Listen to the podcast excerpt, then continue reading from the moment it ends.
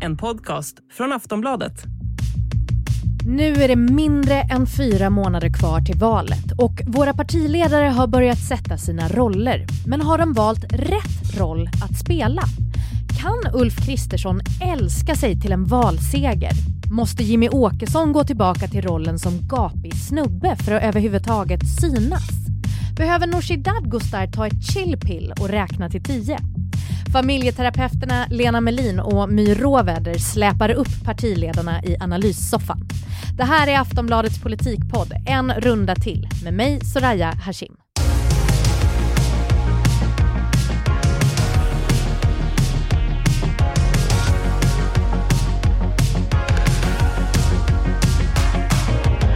Hallå vänner!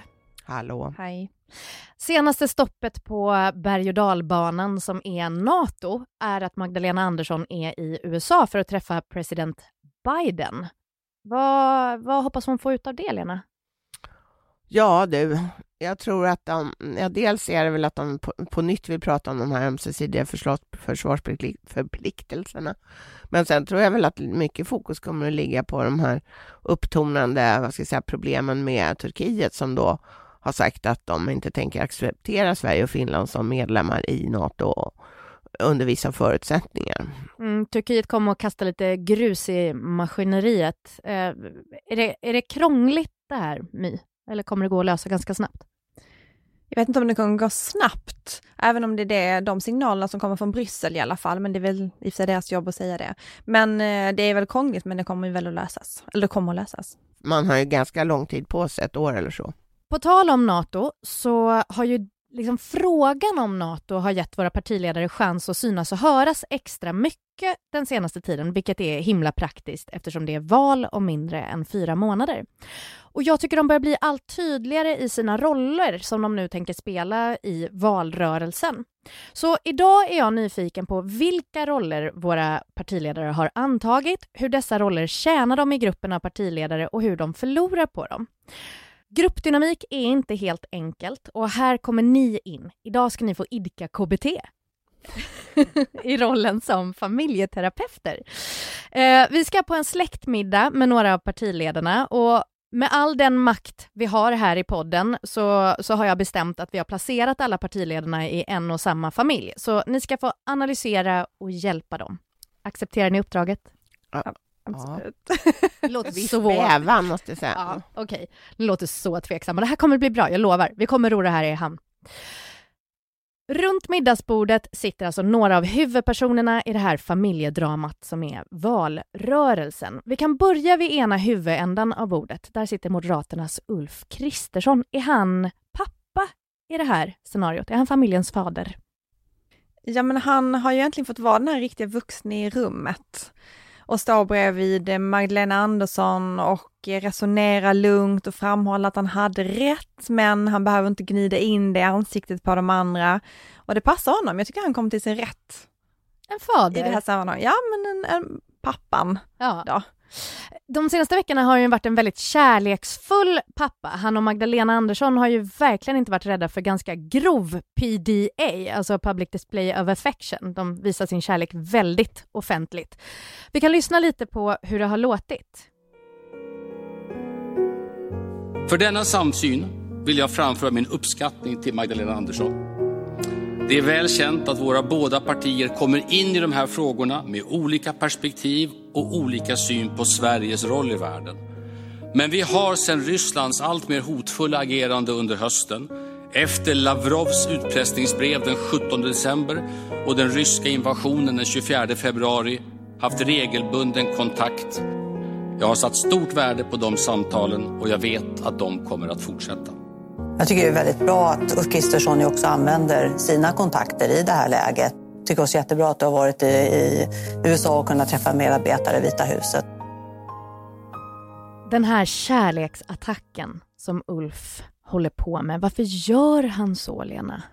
Ja, jag, jag tror han har lite svårt att värja sig från Magdalena Andersson faktiskt. Ja, hon håller ju på att försöka krama ihjäl honom och uh, han har lite, det här ämnet gör ju det också svårt för honom att visa en annan attityd än uh, en ansvarsfull för landet. Alltså det, det, är inte så att han kan ställa sig bara och skrika som en treåring, utan uh, här är han tvungen på något vis att spela den här rollen av jag tycker jag skulle vilja säga lite toffelhjälte faktiskt i förhållande till husfrun i den här, på den här släktmiddagen, nämligen Magdalena Andersson. Men den här strategin han har, är den smart eller kan den lägga fällben för honom? Nej, men jag tror inte han har så, eh, jag tror tyvärr inte att han har så mycket att välja på, för det här är inte en fråga där de kan hålla på och kivas. Det vore ju, det vore förödande för landet. Eh, men det ställer ju till problem på lite sikt, därför att han måste ju vara någon slags sån här vad ska jag säga, antingen ehm, Stålmannen eller, eller Fantomen som snabbt byter kostym eh, från en helt vanlig man till någonting annat eh, när han ska hoppa på henne då plötsligt. In i telefonhytten, ja. dra ja. av sig. Ja. ja.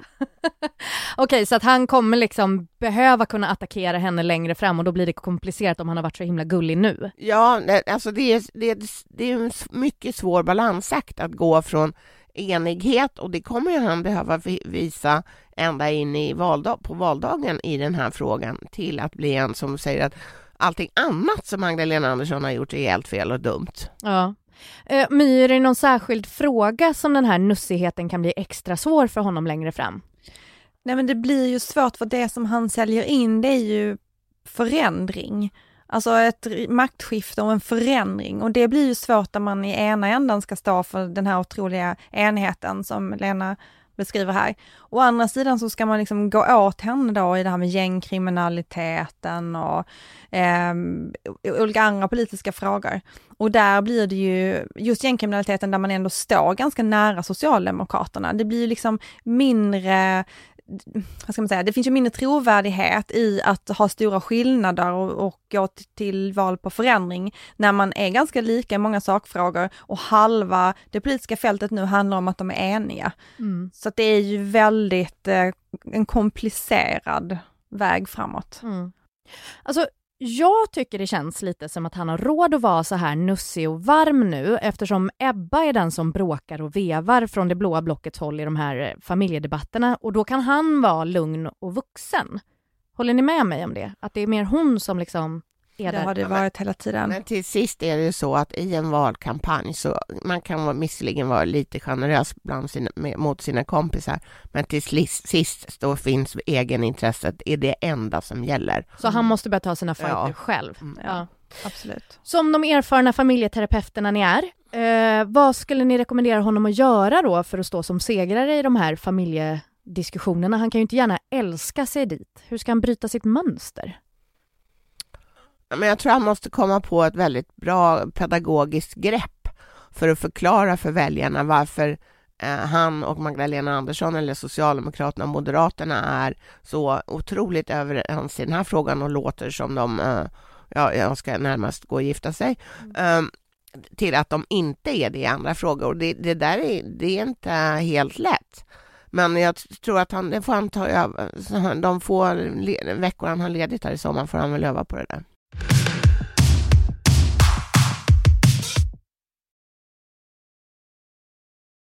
I andra änden av bordet har vi Socialdemokraternas Magdalena Andersson och hon låter ju då som moden i vår familj utifrån hur du beskrev henne Lena. Hon har ju nu lotsat oss genom utmaningar som pandemi, krig, skenande el och matpriser, inflation och nu NATO-medlemskap. Fin finns det några nackdelar med rollen hon har nu, My? Ja, men hon valdes ju med att det fanns ett hopp att hon skulle göra socialdemokratin tydligare efter flera år i regering, efter januariavtalet som gjorde det svårt att se vad socialdemokratin stod för, att hon liksom skulle utkristallisera de här socialdemokratiska frågorna. Eh, vad bär den socialdemokratiska politiken i sitt sköte? Det skulle liksom bli tydligt. Det skulle vara mer välfärd, det skulle vara mer eh, den här bilden av att man tog en vänstersväng eftersom det efterfrågades i delar av rörelsen.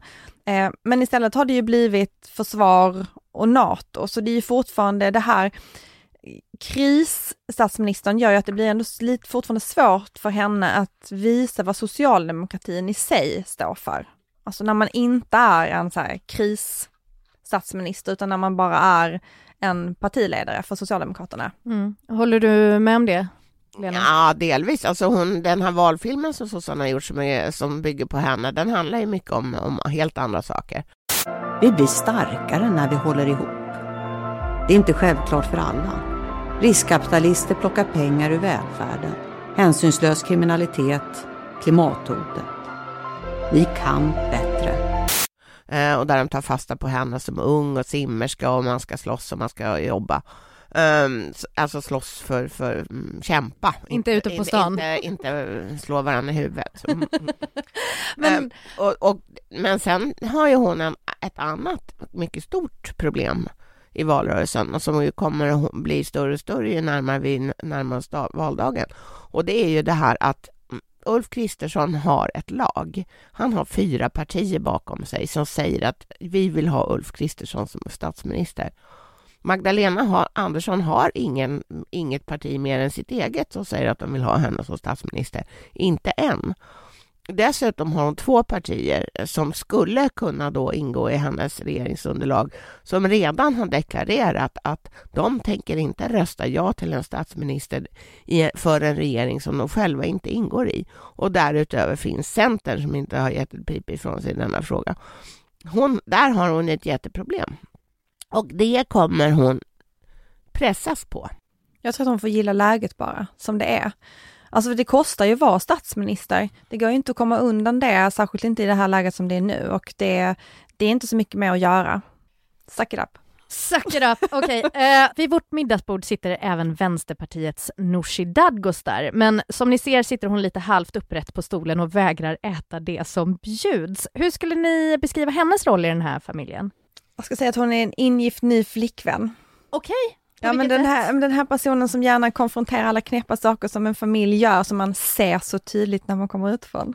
Och ska förklara hur man ska göra rätt istället. ja, man har sett den rätta vägen. Oj, oj, oj, den är farlig den rollen. Ja, den är kul. den är kul att konfronteras för med. För vem är den kul? Eh, hur funkar hennes eh, strategi då? Lena, vad tycker du? Alltså de, de eh, tillfällen där hon haft möjlighet att få till, inflytande så har hon ju fått det. Hon har utnyttjat de tillfällena. Marknadshyrorna i somras och sådär tänker Ja, du, och sen pensionerna i, i, i höstas. Ja. Men, så det, så, I så mått har det ju fungerat väldigt väl. Å andra sidan kan man säga att um, vad hon har utmärkt sig för då är ju att vara en extremt jobbig lillasyster till, uh, till Magdalena Andersson, ett sladdbarn uh, som inte alls uh, ja, beter sig. Och jag tror att i längden är det ingen bra strategi. Därför att äh, Magdalena Andersson har ju redan sagt att om hon skulle vilja, om hon skulle bilda regering så skulle hon hellre ha med Centern än Vänsterpartiet. Så det är ju lite tråkigt för Nooshi att äh, hon har gjort sig känd som någon som är jävligt jobbig att ha med att göra. My, du skrev ju en text för några dagar sedan om att Nooshi och Ann Linda hade rykt ihop efter en debatt i Studio 1, mm. nu i veckan bara. Vad var det som hände? Nej men det var, de hade ett meningsutbyte om eh, Turkiet i slutet av en sändning och så stängdes lampan av och sen så rök de ihop. Och jag skulle vilja säga att det är två konfrontationsfriska personer som möttes. Det var inte bara Nooshi Dadgostar, det var Ann Linde också svingades knytnäven? Alltså vad, vad, hur, hur var, pass bråk det var, var det? det var ganska högljutt ändå och eh, det var att alla som stod där framme backade snabbt därifrån. Alltså andra... Det var ändå ovanligt, det är väldigt sällan man säger jag har aldrig sett den här typen av liksom högljudd konfrontation du vet när det inte är lampan är på. När micken är avstängd. Ja men precis, liksom. för vanligtvis så kan man ju ha väldigt högljudda konfrontationer för att det är liksom en politisk debatt. Mm. Men att man har det så efter för att man blir ovänner och bråkar för att man bråkar, inte för att man liksom har en politisk debatt. Det är det lite uppfriskande ändå? Ja, att man liksom det... här, folk verkligen brinner för det de håller på med? Ja men jag säger inte att det är, är, är fel, jag tyckte bara det var intressant och jag tycker också så här att, ja, men det finns, det finns väl högt tonläge och det finns högt tonläge och den politiska debatten den tjänar inte på att människor bara bråkar tycker jag, utan mm. det är ju redan ganska högt polariserande tonläge. Men så får jag gissa då att er strategi som ni vill rekommendera Nooshi är att hon ska hia sig lite, att hon kanske ska välja sina strider? Är det det? Att hon inte behöver springa på varje boll? Nej, fast å andra sidan tycker hon och hennes parti något diametralt annorlunda. Det är svårt att låta bli att säga det. Mm. Men kanske ska ibland göra det på ett... Um, lite mindre konfrontativt sätt därför att man, man, i politiken får man ju ändå välja sina strider. Ja, och som du sa att det kan få effekten att andra inte vill samarbeta med en sen. Att man, blir, att man gör sig omöjlig. Och därför kan man ju trona ner sin kritik eller inte göra så fruktansvärt stort nummer av den eh, ibland och ibland är det jätteviktigt för en. Då, det är klart att då får man ta fram de här skarpladdade vapnen. Mm, mm. Ja, men jag håller med Lena och det är ju det är inte så att Vänsterpartiets kritik skiljer sig från nu och tidigare med Jonas Sjöstedt. Det bara framförs på olika sätt. Vi går vidare till Annie Lööf. Hon sitter mitt emot Nooshi här vid vårt middagsbord. Vem är Annie i den här familjen, tycker ni? Man typ någon moster eller faster, så här lite, ja, voice of reason. Ja, stora syster tänker jag. Men voice of reason, helt klart. Min bild nu får ni hålla i er. Min bild är att... Håller. Det, ja, håll, ja, jag ser att du gör det. Eh, min bild är att det inte går så himla bra för henne att försöka få till den här breda mitten som hon så gärna vill ha. Att hon just nu bara sitter och puttrar där i sin rävsax mellan ett block som samarbetar med SD och ett block som samarbetar med Vänsterpartiet och hon vill inte ha med någon av dem att göra. Jag upplever att det här gör henne identitetslös och därmed även maktlös. Men jag vet att ni tycker jag har fel. Lena, rätta mig gärna. Nej, men du har inte fel. Har jag inte det? Jag trodde du skulle säga att så här, nej, men hon sitter ju på all makt. Nej, det har, gör hon ju inte alls. Utan hon har ju väl, det, hennes inflytande, eller Centerns inflytande har ju radikalt minskat med i och med att januariavtalet föll då i somras. Och nu, ehm, nu, ehm, har ju, nu får ju Centerns så att säga, inflytande begränsas till frågor där, eh, hon, där Centern antingen gör upp med högeroppositionen eller med regeringen och ett annat parti, eller två.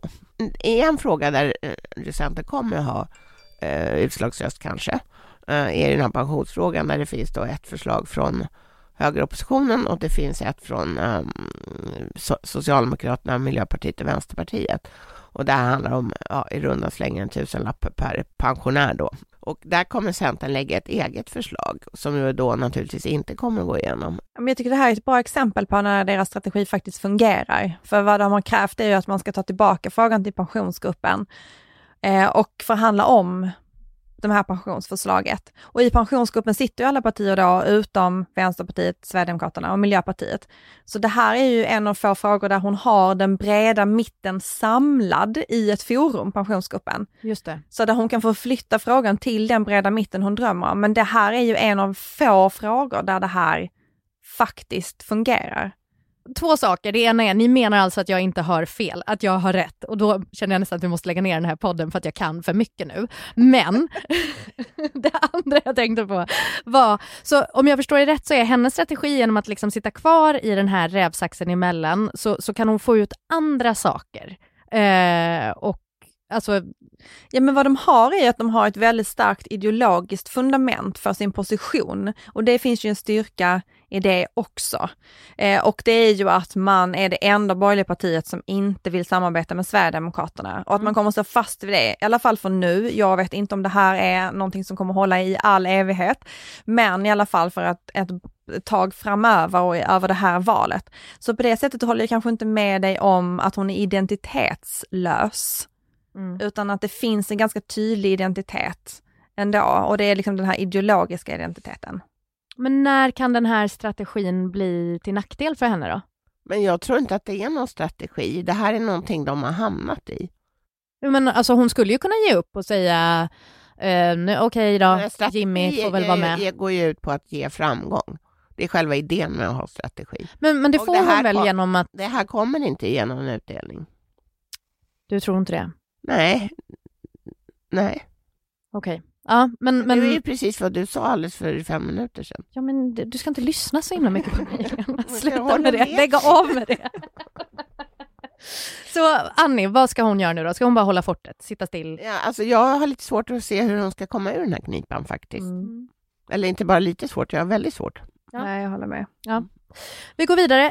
När vi tittar runt vårt bord så sitter det en kille där som har blivit allt tystare de senaste middagarna. Han har varit ganska gapig förr i tiden men det är som att han har slutat veva så mycket med armarna och mer lutat sig tillbaka i sin stol och låter pappa Ulf och Ebba Busch sköta snacket. Jag menar såklart Sverigedemokraternas Jimmy Åkesson. Vad är hans titel runt det här bordet?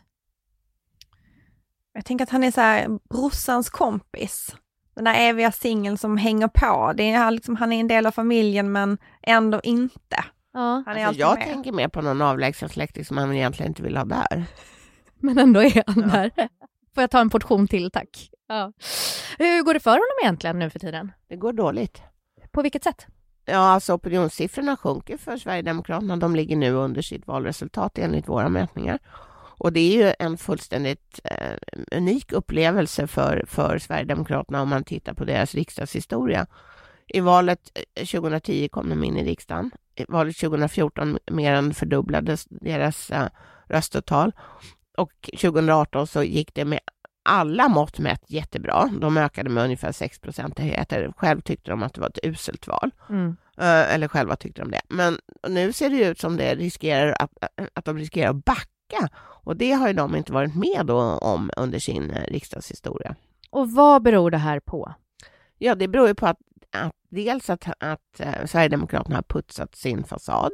Det beror på att de andra partierna i viss mån har adopterat eh, delar av, av, inte delar av deras politik kanske, men i alla fall de här frågorna har de, som Sverigedemokraterna ett tag hade närmast monopol på, har de inte längre monopol på. Och eh, ja, just den här putsningen att de också verkligen vill vara ett parti som, som eh, har makt och inflytande och därför måste betraktas som pålitligt av andra partier. Så de här rösterna som flytt, eller flytt, men de rösterna de inte har längre, vart har de tagit vägen? Ja, en del har ju gått till Moderaterna som ökar lite grann. Det pågår ju också en identitetskris inom Sverigedemokraterna. Det här med att man har var, haft en position, att man har varit den eviga oppositionen, där man, att man alltid har kunnat komma med ett eget förslag i slutändan av en debatt, att man alltid kunnat säga att allas, alla andras förslag är dåliga, men vi har det enda rätta förslaget. Och nu så kan de inte göra det längre, nu måste de liksom hålla sig på en, en eh, spelhalva. Eh, och eh, jag, jag tror att det är ju inte bara en identitetskris för deras, för partiet, utan också för deras väljare som många har ju varit de här misstroende rösterna och att man liksom tror att Sverige gått sönder eller att man, man är liksom eh, besviken på systemet och sådär. Och nu så blir Sverigedemokraterna en del av systemet på ett annat sätt och de måste liksom identifiera sig med det. Så att jag tror att den där förändringen, när man går från han kanske håller på att bli ihop då med någon i familjen, kommer Mm. närmare familjen om vi säger att han är den där liksom avlägsna släktingen, Uh, inte, eller brorsans kompis, att nu så kommer han bli ihop med någon på riktigt och då kommer han att vara en del i familjen och det är också en annan roll att spela och den är inte helt lätt att inta. Så det enklaste hade ju varit att bara ställa sig utanför och, och börja gapa igen, för att, alltså så som han gjorde förut, för att få uppmärksamhet igen. Men då kommer han ju inte få igenom sin politik. Så vad ska han göra? För skulle att... han ju få ändå. Det, Nej. jag tycker på ett sätt att det är lite märkligt den här nya rollen de har, att de har blivit så otroligt följsamma. För de behöver ju inte vara det egentligen. Vi ser små brottstycken när de försöker ha liksom lite radikala förslag, som när de var ute i det här Skäggetorp och sa att man skulle eh, skicka ut familjer till brottslingar och sådär, liksom lite mer radikala förslag. Mm. Att det liksom är- var lite mer högljutt. Vi ser ju ändå sånt, för att i slutändan så spelar det ingen roll om de är så här högljudda eller inte, för att de är ändå det enda sättet för Ulf Kristersson att bli statsminister. Så att jag tycker på ett sätt att det har varit lite konstigt att de har försökt att bli så otroligt samarbetsvilliga. För han har råd att inte vara det. Han har råd att inte vara det. Ja, fast det beror ju på vad han har. Det, det vet man ju inte om han har råd eller inte skulle jag vilja säga. Om han nöjer sig med att vara ett stödparti, då, då finns det ju, då kan man säkert um, liksom vifta med, med armarna och gapa och skrika. Men har man ambitionen att bli något mer, då måste man ju uppfattas som eh, pålitligt. Så, alltså att man håller ingången att avtal, inte babblar för mycket. Babba, babba. Alltså, och, och då, då ställs det andra krav. Och det är lite de som man kanske har anpassat sig till redan. Men då kanske han också förlorar en del av sina röster. Eh, Så kan det vara. Ja. Men man ska ju också komma ihåg att de som aktiva inom Sverigedemokraterna är ju inte samma kaliber nu, av samma kaliber nu som de var 2010. Nej. Utan nu är det ju folk som, stå, som liksom vill, inte bara vill stå och snacka och hålla på, utan de vill ju få genomslag för vilket politikområde de nu än ägnar sig åt. Vi, vi har en överraskning också vid vårt matbord idag. En som inte alltid äter med den här familjen men ändå tillhör den. Hon har spelat och spelar en stor roll i NATO-cirkusen och har absolut förtjänat en inbjudan till bordet. Utrikesminister Ann Linde. Vem är hon i familjen Annorlunda?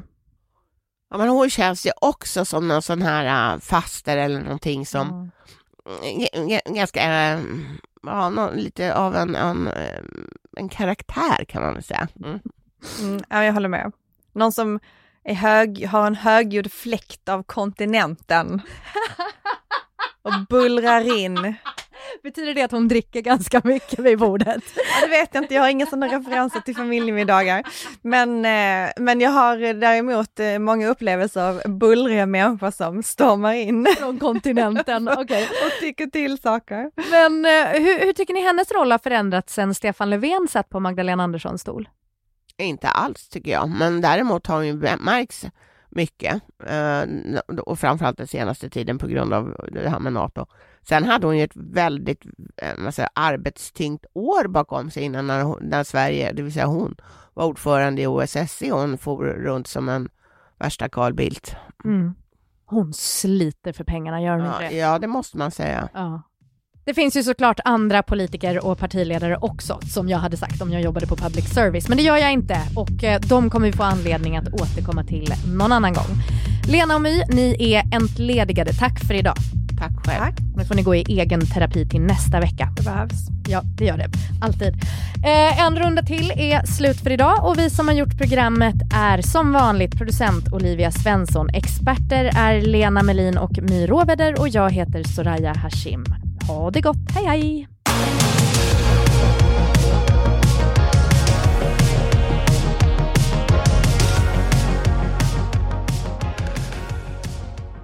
Du har lyssnat på en podcast från Aftonbladet. Ansvarig utgivare är Lena K Samuelsson.